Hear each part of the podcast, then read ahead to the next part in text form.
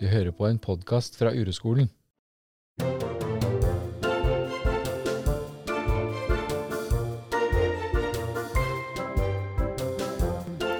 Vi har fått et lesebrev, og det syns vi er så gøy. Altså, vi blir så glade. Eh, Jeg skal ikke snakke for deg, Rikke, men du har jo sagt det.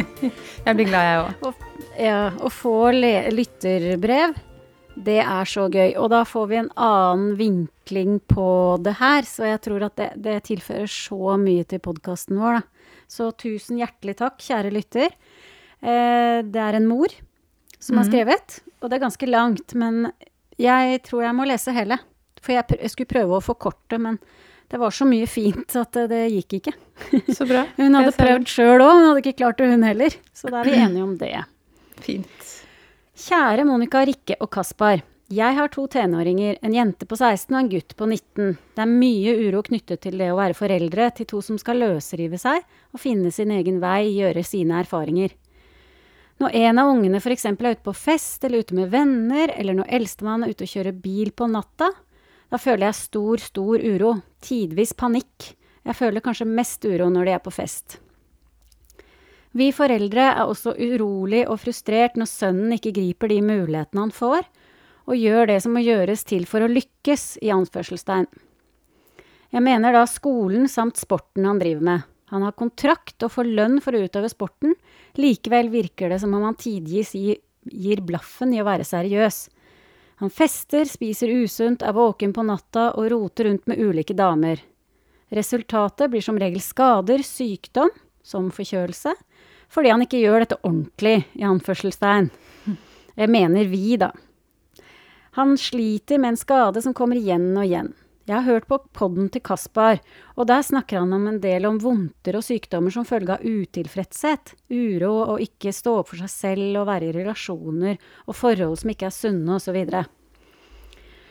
Pappa, pappaen her, han legger til rette, motiverer og prøver ikke mase, maser likevel, blir frustrert. Vi foreldre gir snart opp, og uttrykker garantert, nonverbalt i parentes, at vi syns sønnen er sløv og utakknemlig, selv om vi prøver å ikke gi han inntrykk av det.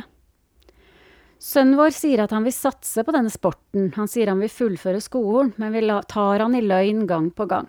Han lyver om det meste, fra å ha gjort skolearbeid til det som har med sporten å gjøre. Det er vondt og vanskelig, og vi blir skuffa og frustrerte. Vil han slutte med sporten, er det helt greit, vi vil bare at han skal ha det bra og føle mestring og ha venner og fungere. Og han har mange venner og er godt likt. Jeg har hørt dere snakke om at det mest sannsynlig er foreldrenes skyld, i anførselstegn, når ungene ikke fungerer. Likevel syns jeg vi det han gjør er feil, og at han tidvis er feil. Vi er sikkert feil, vi òg. Uroen overmanner meg og spiser meg opp, jeg blir søvnløs, og jeg er så redd på nettene når jeg ligger og venter. Jeg er mye mer redd enn far. Jeg holder nesten ikke ut. Det får fram det verste i meg, og jeg klarer ikke kose meg, slappe av, jeg er en kontrollfrik og vil vite hvor de er, jeg vil ha de på SnapMap, noe som gjør meg enda mer urolig, osv. Jeg har mye selvinnsikt og jobber mye med meg selv, men når det lakker mot helg og russetid, så glemmer jeg alt jeg har lært om å romme uro og akseptere at det er sånn det er.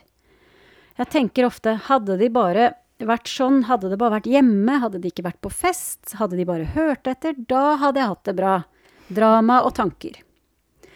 Jeg og mannen min snakker en del om hvordan det egentlig skal gå med sønnen, vi er veldig på oss imellom. Jeg har mye uro i forhold til datteren min på 16 også, mest når hun er ute på fest i helgene, det er så mye som kan skje. Alkohol, narkotika, overgrep, bilder og filmer som kan komme ufrivillig på sosiale medier.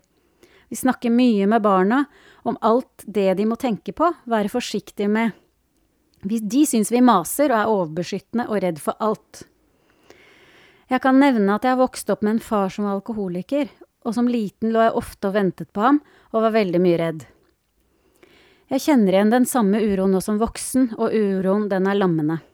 Så kan dere snakke om dette temaet i en podkast. Hva gjør vi feil, i anførselstegn? Hvorfor lyver sønnen, og hvorfor gjør han ikke det som skal til? Og hvor, hvordan kan vi ta vare på oss selv uten å klikke eller gå fra, fra standen? Og hva med våre reaktive mønstre? Hilsen engstelig mamma til to nydelige og sikkert helt normale tenåringer. Jeg blir litt rørt av det brevet, altså. Ja. Ja, det var skikkelig fint. Mm. Så mye, og så, så mye om Hvor skal vi begynne, liksom? Det var mange ting jeg fikk lyst til å snakke om, da. Og det kan vi jo selvfølgelig gjøre da. Ja, hvor skal vi begynne? Jeg kan bare begynne med å si at uh, vi, ja, jeg kjenner igjen alt. Ja, Men jeg er jo midt oppi akkurat det samme, da, med unger på akkurat samme alder, liksom. ja ikke sant. Mm. Mm.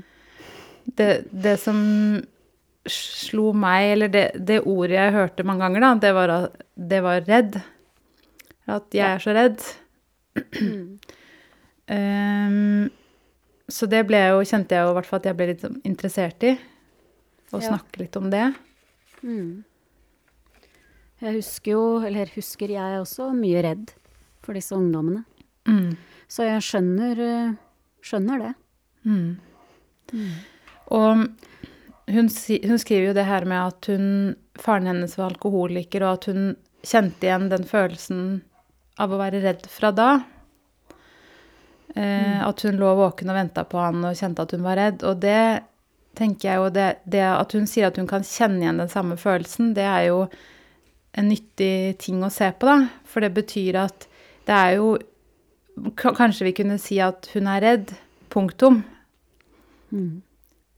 Og så er det mange forklaringer på det, at hun er redd for barna, redd for alt som kan skje osv. Men den følelsen i kroppen som hun, si, som hun beskriver som å være redd, da, den, den er jo på en måte universal. Den har hun kjent på hele sitt liv. Mm. Og det er jo som hun sier, hun sier jo det at eh, det er et drama. Og, og, med det, og, det, og med det så mener jo vi at det er bare det at Altså den redselen eh, er jo vanskelig å kjenne på og ha der. Og så hekter sinnet det på et eller annet som er lett tilgjengelig der ute. Og det Før så var det noe annet. Men Nå er det tenåringsungene, ikke sant? Mm. Men redselen er jo antageligvis den samme. Mm. Og at det å være redd, det er vel noe som er noe helt grunnleggende, da. Vi kunne kalle det for en eksistensiell frykt. At det å møte mange ting i livet setter oss i kontakt med den eksistensielle frykten, da. Sånn som det Fordi hva er, hva er det vi da er redde for? Jo, sånn jeg ser det, så må det jo være at vi er redde for den Vi er redde for det som er sant, og det er at vi ikke har noe kontroll på livet. At uh, hva som helst kan egentlig skje når som helst, ikke sant? Og Ja, det og så- møter jo hun Det kommer hun jo veldig sterkt i kontakt med da, når barna skal begynne å dra ut på fest, eller øhm, når barna ikke kommer hjem på natta, eller Da kommer man jo i kontakt med den sannheten som er at jeg har ikke kontroll, egentlig. Ja, altså for meg så er det sånn at jeg har jo hatt Sånn som hun. Hun har jo opplevd det å være veldig, veldig redd som liten. Og den angsten eller uroen eller hva du skal kalle det, den er så ubehagelig. Så for meg så er det sånn at jeg er redd for det. Sånn at jeg veit at hvis jeg oppdager Eller hvis Jonas eller Ida har det vondt, da, hvis de skulle komme borti noe sånn overgrep, så vil den følelsen inni meg, da veit jeg at den kommer til å bli overveldende stor, da. Så jeg er jo redd for det òg, sant? Så du er, liksom, du er redd for å være redd, og så er du redd, og så blir det bare en sånn smørje, da. Åh, jeg kjenner igjen det der, altså. Så det du sier at du, at du, eller kanskje hun da, er redd for den følelsen hun eventuelt kan få i sin kropp, eller selvfølgelig den følelsen hun av og til har da, i kroppen, Ja. som hun Mm. ikke vil ha. Ikke vil ha, og i hvert fall ikke vil ha mer ha, ikke sant? Mm. Mm. Så er jo Det er jo også en ting, da, at jeg opplever det sånn at motstanden mot å ha uro, det er den som egentlig er vanskelig. For å ha, når du har uro i seg selv, hvis du ikke har noe motstand mot det, så kan man liksom klare det. Men det der å holde på å prøve å ikke få uro, det, eller å holde den på avstand, det er veldig vanskelig, da. Mm. Og så blir det veldig overveldende, for du, du klarer jo ikke å holde den på avstand. For det kommer jo eh, Det blir jo skutt tennisballer her, ikke sant, på henne hele tiden. Mm. Som hun prøver å slå bort. Det er sikkert en metafor jeg har brukt før. Men Og så til slutt så går det ikke, ikke sant. Det, da bare, det, det kommer for mange. Mm. Du, har, eh, du, du kan jo ikke kontrollere hvor mye uro du får i livet ditt, på en måte, selv om vi prøver alt vi kan. Det, Mm. det kommer jo med tenåringsunger, så er det helt sikkert at det kommer. Mm. Så det blir så overveldende, og når man prøver å holde det på avstand, så virker det enda mer overveldende, da. I hvert fall har det vært sånn for meg. At når jeg virkelig har klart å tenke nå skal jeg gå inn i det, så letter det litt på trykket. Men redselen altså, Men alt stritter imot. Og så blir du holdende det litt på avstand, og så blir det bare, virker det bare enda, enda verre, da. Ikke sant? Men eh, jeg veit jo ikke åssen det er for henne, men sånn var det for meg i hvert fall. Mm. Så vi kunne jo ha spurt henne hvordan er det å være deg når du står ovenfor det faktum da, at du ikke har kontroll på hva som skal skje her i livet. Mm. Da vil jeg jo tro at svaret på det er at det er veldig, veldig ubehagelig.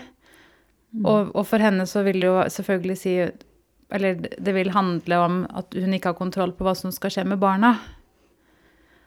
Og at når hun ser bort på barna sine, så kommer hun i kontakt med frykt i Mm. kroppen sin. Mm. Så, men så er det jo sånn, for hun skriver at den frykten er lammende, og, og det går Jeg tror ikke det Man kan ikke begynne der, liksom, og si ja, kan du være sammen med frykten din når du kjenner at du er lamma? Man må begynne Nei. et annet sted, da. Ja, det snakka jeg faktisk med en elev om her om dagen. Eh, fordi eh, hun også hadde mye uro i forhold til barnet sitt. Og hun sa det er Jeg klarer ikke gjøre noe annet enn det jeg gjør. Sant? Men hun ser det. Så hun ser, og hun kan kjenne, men det er ikke mulig å stoppe opp eller noen ting. Men så sa hun Men på, men, men på jobben så har jeg oppdaga at der jeg har jo litt mer liksom, frihet til å stoppe opp og kjenne hvordan er det å være meg nå?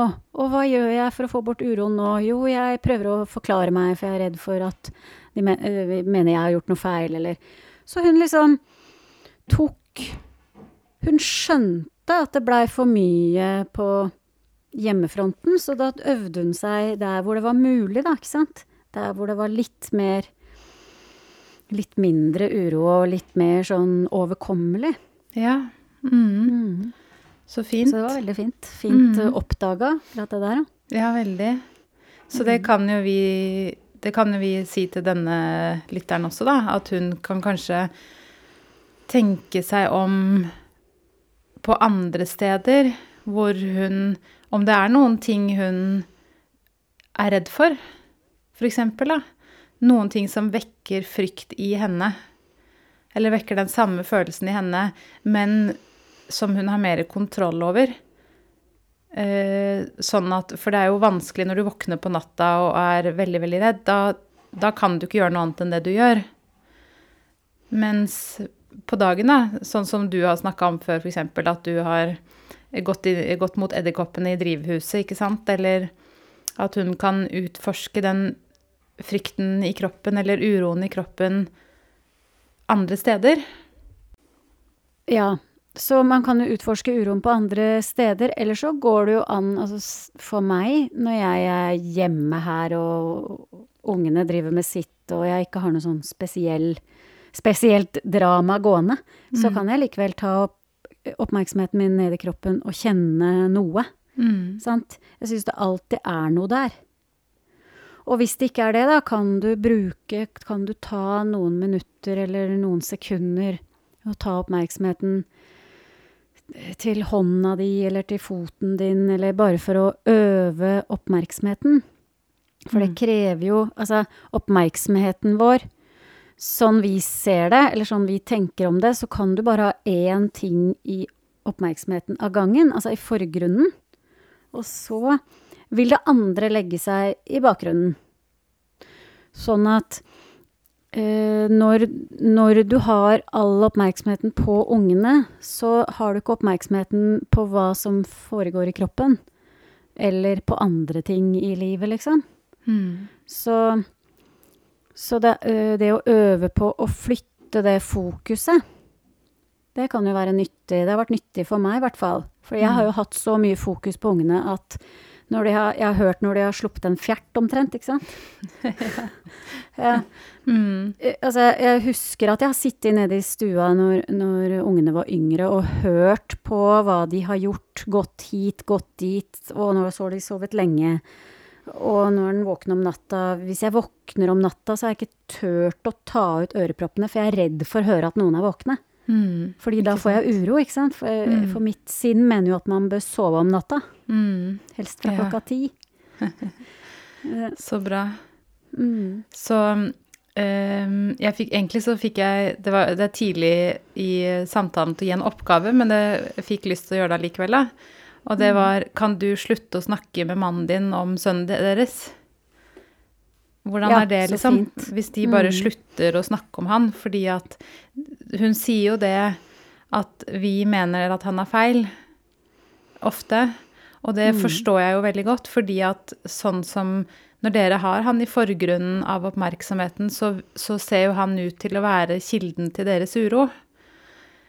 Så hvis du og mannen din kunne da bare flytta oppmerksomheten til noe annet øhm, Eller til Ja, til dere selv- selvfølgelig, men i samtalen mellom det, da, bare Vi snakker ikke mer om han, liksom.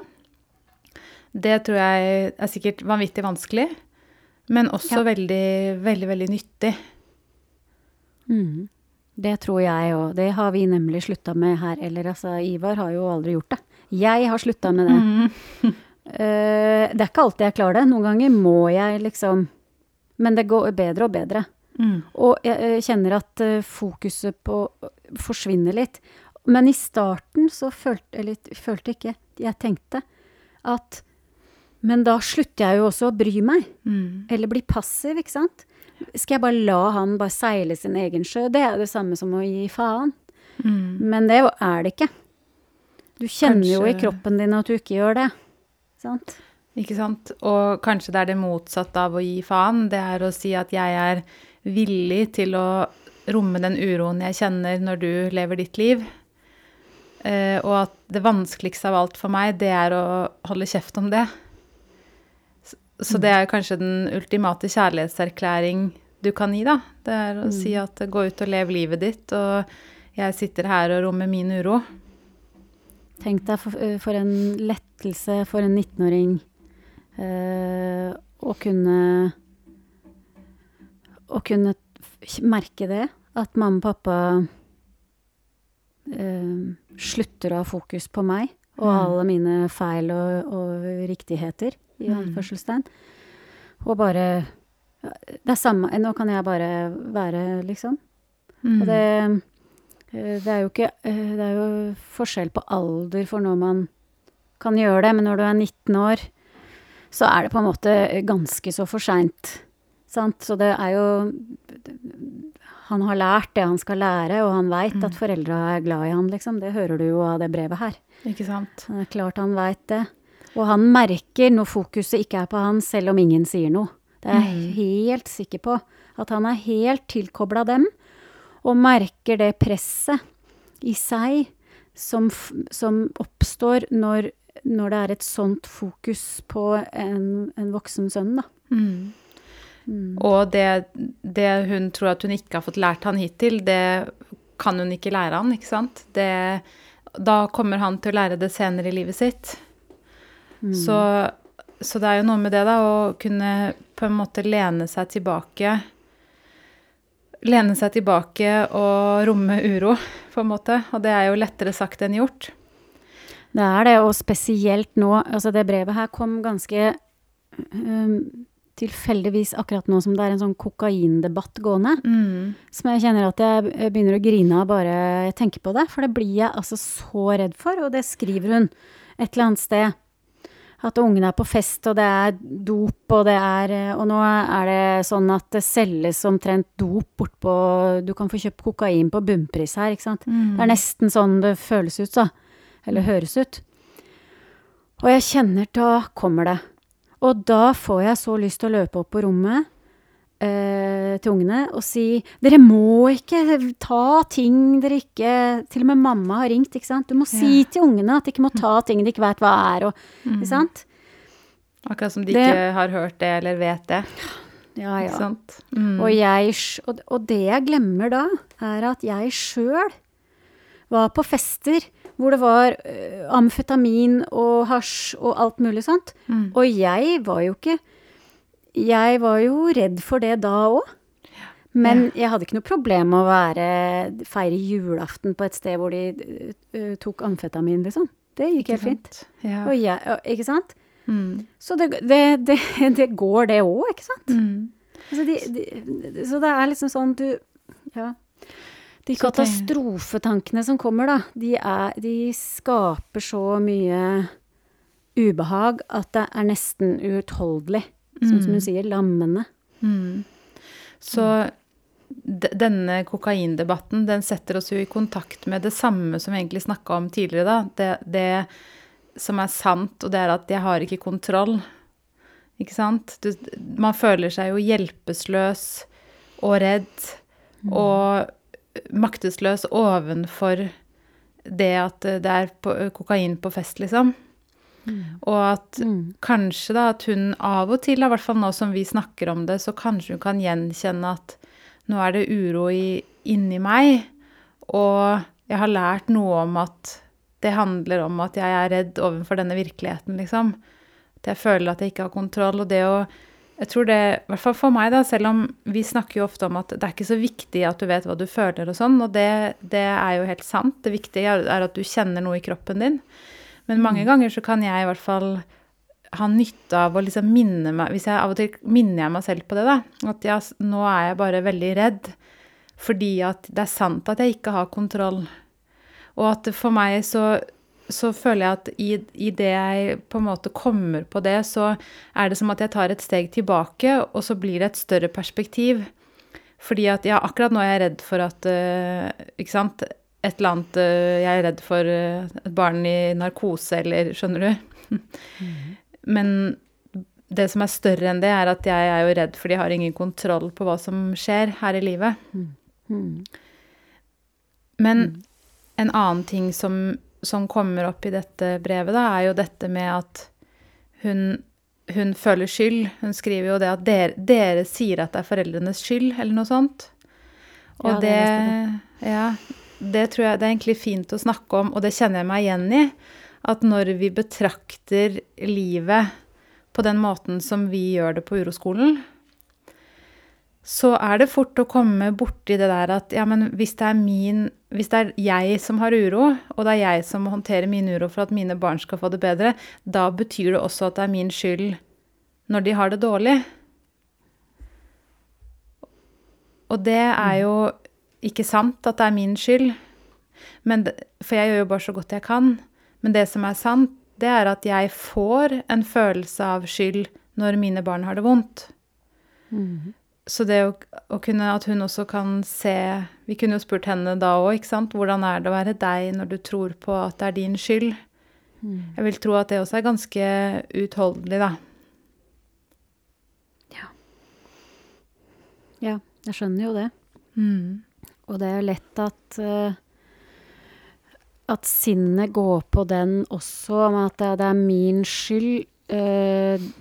f- og da det er feil. Det skal ikke være sånn, sant? Det er no, husk, vi bruker også mye feil. Vi er sikkert feil. Han gjør feil og er feil. Mm, Og det er feil det vi gjør, Ja. sant? Det er jo ikke noen ting er det, er det noen ting som kan være feil? Er det mulig, liksom? Fordi det er jo som det er. Uansett. Mm. Nå går det an å gjøre feil. Det, det, det gjør jo ikke det. Nei, du gjør bare det du gjør, liksom. Du gjør bare det du gjør. Og så har vi driver sinnet vårt og definerer hva som er riktig eller feil. Mm. Og det har jeg vært veldig mye, hatt mye drama med med barneoppdragelse, ikke sant. Fordi det jeg gjør er feil, og det de andre gjør er riktig. Men så har jeg ment det er feil. Altså, så, øh, så er det jo ikke noe fasit, ikke sant. Det, er- jeg gjør, det, det, altså, det er mange som mener det vi gjør er feil, for å si det sånn. Mm. Men, eh, men det er bare sinnet som sier at det, er, at det er noe som er riktig og galt, og så er det jo ikke det. Kanskje man Og det er ingen sin skyld. Nei, ikke sant. At det som er sånn vi definerer rett og feil, er jo egentlig Vi tolker det ut ifra hva vi syns er behagelig eller ubehagelig. Sånn at hvis denne gutten hadde gått på skolen og gjort det bra i sport og ikke festa og ikke jugd, så hadde de hatt tanker om at de hadde gjort rett. Mens nå har de tanker om at de har gjort feil. Um, men jeg tror jo det har også en stor verdi da, for henne å på en måte se på sin egen skyldfølelse. Ehm, og, ikke sant? Og den, fordi det å tro på at jeg er feil, vi gjør feil, han er feil, det er jo sikkert veldig vondt, da. Eller det er klart det er det. Men at hun også kan på en måte gjenkjenne det som en, en helt fysisk følelse i kroppen. Um, og kunne øve og, Altså, det her er jo Jeg tenker at det er ganske vanskelig å gjøre det alene. Fordi at å sitte på en måte alene i stillhet og Ja, det er, det er vanskelig, da, fordi at uh, dette er jo komplekst, og det er mange ting som vi kunne ha utforsket sammen med henne. F.eks. også hvordan det var å være henne når hun var redd for pappaen sin som ikke kom hjem, ikke sant? Se på alle disse tingene, da. Mm. Men jeg tror Jeg i hvert fall syns jo det for meg at det å øve meg på å ha skyldfølelse, det er så, har vært så befriende. Det er jo vondt å ha skyldfølelse, men jeg har det så ofte. Bare jeg skal ut og på en, eh, en tur, en time, liksom, så har jeg litt skyldfølelse hjemme, ikke sant? Mm. Sånne, så sånne små ting kan man øve seg på, da, også. Bare det å si nei til å kjøre et eller annet sted, eller gi, eh, gi penger eller et eller annet, skaper kjempeskyldfølelse. Når en av ungene ringer hjem og sier 'jeg er så sulten og jeg har glemt matpakke', og si nei da, Mm. det, det Jeg, kjenner- jeg veit hva de skal si når de ringer, liksom, og jeg bare kjenner at det er så vanskelig. Og da får jeg skyldfølelse. Gjerrig mor som lar ungene sulte og Ikke sant? Mm. Så det, man kommer lett borti skyldfølelse, både stor og dyp, ikke sant? Og, småtteri som egentlig li, likevel gjør vondt, da. Mm. Ikke sant?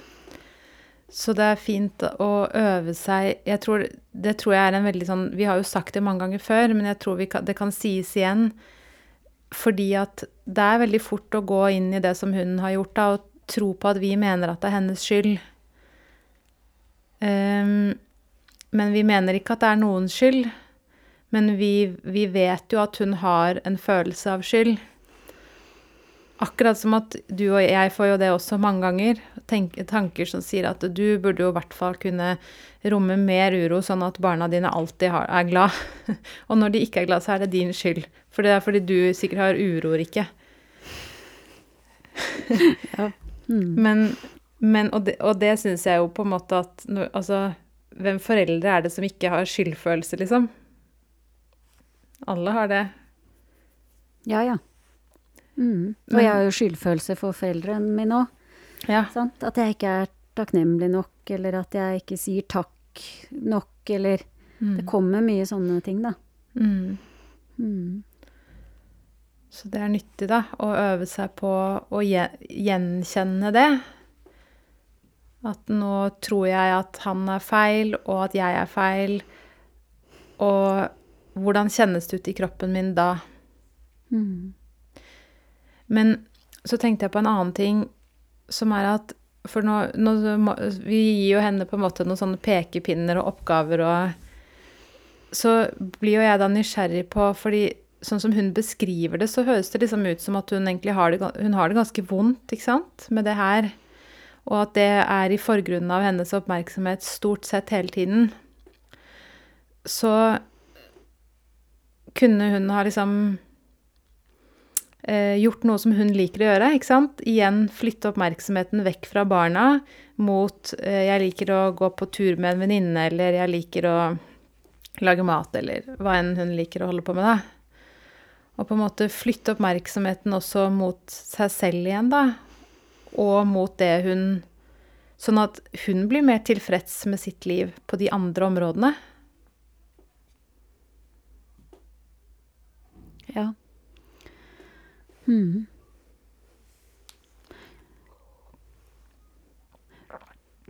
Det er jo fint, men, men jeg husker bare at jeg Jeg s- v- var så Jeg var så sliten, da. Av alt, all uroa. At jeg ikke klarte å liksom finne fram til noe som egentlig ga noe sånn særlig glede. Alt Mm. var bare Jeg fikk uro, og alle jeg møtte, og alle jeg så, uansett hvor jeg var. Liksom. Mm. Mm. Så, men, men det er nok fint å prøve å flytte fokuset, ja. Om det er mulig, liksom. Mm. Mm. Så gjør hun jo Hun gjør jo så godt hun kan nå. Og så gjør hun så godt hun kan når hun hører denne podkasten, Mm. ikke sant? Og, og vi alle gjør så godt vi kan. Men, men Og kanskje f.eks. at hun må bruke viljen sin da, til å til å tenke OK, hva, hva kan jeg gjøre? Akkurat som at det også er noe hun gjør for sine barn, da. Å sørge for at hun selv blir tilfreds med sitt liv. Mm. Jeg tror jo det er den største gaven vi kan gi til våre barn. Ja. Men det er vanskelig, da. Mm. Jeg tror, som du sa i stad, at eh, den største gaven man kan gi til sine barn, er å flytte fokuset litt vekk. Hvis det er mulig. Mm. For du ser jo det at uh, dette fokuset vi har på barna Vi har mer fokus på barna uh, enn noen gang. Alle våre øyne uh, og, er på barna. Mm. Både lærere og foreldre og besteforeldre og regjering, ikke sant? Eller, ja, Mhm. og på russetid og på kokain og på alt dette her. Mm. Mer enn noen gang, opplever jeg det i hvert fall. Og det er mer eh, greier med barna enn noen gang òg. Har det en sammenheng, tror du? Det kan jo hende. Jeg tror det. Det Tror veit vi du? ikke, men jeg, Mm. jeg har det på følelsen. Mm. Absolutt. Jeg syns det er veldig Mm. interessant å se på det på den måten. At når vi holder oppmerksomheten vår på dem, så forsterker det bare deres eh, følelse av å være under press, da. Mm. Mm. Og hvor mye oppmerksomhet har man på russetida og kokain om dagen? Mm. Sant? Det, flyter jo Det snakker jo ikke noe om annet Nettopp. akkurat nå. Så, så Så med andre ord så er da vi som foreldre er redde i møte med alt vi får høre om. Om kokain, og at det ikke går bra, og at det er vanskelig å få seg jobb, og det er vanskelig å komme inn på ikke sant? Det er viktig å ha utdannelse, så vi er jo veldig ofte i kontakt med frykt. mm, Og måten vi håndterer den frykten på, det er å passe på at våre barn blir sånn som vi syns de burde bli. Um, mens vårt, vår tilnærming er jo kan vi stoppe opp og ta ansvar for vår egen frykt, da. Vår egen uro. mm. Jeg hadde en elev i, i går, faktisk, som sa det at eh, det, det, det er akkurat det samme. Eh, Tenåringsbarn, masse uro. Og så sier hun nå eh, drar jeg en helg på hytta. Og så snakka vi om det, at det var eh, en strategi for å komme unna uro. Det er helt klart. Og sånn eh, må det være. Ja. Sant? Mm. Mm. For å få for å, for å kunne gi seg selv lov til å gå unna uro også, hvis det er mulig, ikke sant? Mm. Ja, At eh, vi ikke kan stå, orke å stå i, i det hele tida. Og, at, eh, og vi sier jo 'gå mot uroen', Mm. men det er ikke sånn at eh, når du er hjemme og får alt dette her, så blir det ganske overveldende og ganske vanskelig og mye. Mm. Så kanskje på hytta så går det an å øve Det snakka vi også om. Kanskje det går an å øve på noe der, da. ikke sant? Eksempel oppmerksomhetstrening, flytting. Mm. Eh, hvis man kommer på det, eller ta en telefon til, no, til mamma, eller hva vi snakka om, da. Ikke sant? Mm. Et eller annet som man kan øve på, men som, man har, eh, som er litt mindre overveldende og lammende, da, ikke sant. Så fint. Og det, selv om, selv om det var, for henne var det en strategi, så høres det jo ikke ut som en dårlig idé, egentlig. ikke sant? Å, la barna være, være og dra vekk litt. Mm. Selv om det var en strategi, syns jeg jo egentlig det var fint, da. Ja. Men også når du er hjemme og du sjekker SnapMap, altså eh, Så kommer det jo tanker om at det burde jeg ikke gjort. Sant? Mm. Og nå sier jo vi også at kan du fo fjerne fokuset, og da forsterker den seg. Ja, men å ja, jeg skulle ikke gjort det, jeg skal ikke ha disse strategiene. Men det er jo sånn det er. Det er sånn at uroen er så overveldende at du sjekker SnapMap. Og så kan, kan vi være enige om at eh, Eller være enige, jeg har en tanke om at eh, det skal vi ikke gjøre og sånn. Men jeg gjorde det jo det, jeg òg. Mm. Og så går det an å se på vennlighet med at vi bare er mennesker, liksom. Vi har strategier, og når det blir for mye, så gjør vi Da gjør vi det. Da bombanderer vi ungene med, med sånne klokheter før de går på fest, ikke sant? Mm. Akkurat det. Kanskje det ikke er feil, men det er jo nyttig å se på hva som foregår i kroppen når man gjør det. Så det, det handler egentlig bare om Hun har jo gått i gang, fordi hun har jo begynt å utforske og ser Hun ser jo hva, hva som skjer, ikke sant? Og hun Mm. kjenner uro og, og ubehag, og så er hun veldig godt i gang. Absolutt. Så hvis hun i tillegg kan, i hvert fall akkurat nå når hun hører dette, da, se på seg selv og på dette med vennlighet At jeg gjør virkelig så godt jeg kan, og at øhm, Jeg tror det er verdifullt, da, som du sa. Se på seg selv med vennlighet. Det er jo veldig vanskelig, men kanskje det går an akkurat nå, i hvert fall. Når vi minner henne på det, liksom. Mm. Så kanskje det går an å bare lukke øynene, flytte oppmerksomheten til pusten, fordi pusten er der hele tida. Den, den syns jeg er lett å finne, da, når ikke jeg kan finne noe annet. Og så kan du kjenne pusten når den går inn gjennom nesa eller munn, og bare registrere hvordan det kjennes. For meg så kjenner jeg at det er kaldt. Jeg kjenner den kalde lufta når jeg puster inn gjennom nesa. Og så følger du pusten så langt den går inn i kroppen, og ut igjen. Og da kan du kjenne, ja, når jeg puster ut, så er det kanskje en annen fornemmelse i nesa eller munnen, da. Og det Da er du Da har du flytta oppmerksomheten din. Mm. Eller bare kjenne hvordan kjennes Hvordan kjennes hånda mi mot kaffekoppen? Og det holder. Så det er, ikke sant, ett sekund. Mm. Ja, ja, nå kjenner jeg at kaffekoppen er, varm mot hånda mi. Og så begynne der. Mm. Og så tar det tid, da. Og så skal vi ingen steder, ikke sant? det er veldig lett å si. Du vil jo gjerne få litt fortgang i det her. Når begynner det å virke? Ja. I går helst. I går helst. Men å bare begynne med det eh, for å trene Det er jo akkurat som en muskel, den der oppmerksomheten, føler jeg da. Jeg hadde veldig mye motstand i starten, og jeg husker jeg syntes var litt sur, faktisk, noen ganger på, på uroskolen når vi hadde møter og sånn, for vi skulle alltid ha sånn oppmerksomhetstrening. Ja. Og det varte og rakk. Og urodansen, ikke sant. Det varer og rekker. Og jeg ser på klokka, og jeg begynner å bli litt irritert, og Så det er nyttig, altså. Veldig. Å ta litt og litt og litt når du kommer på det. Mm. Mm. Jeg syns det er et godt siste ord, jeg. Ja. Mm. Er det ikke det? Jo. Har du noe mer du brenner inne med? Eh, ikke nå, men jeg har det alltid etterpå. Det, det får vi. Søren. Kan, men da kan vi jo ha det etterpå. Ja, Mm. da kan vi ha det. Ja. Mm. Nei, jeg tror det er bra, jeg. Ja. Ja. Tusen hjertelig takk for brevet. Det, jeg blir veldig glad.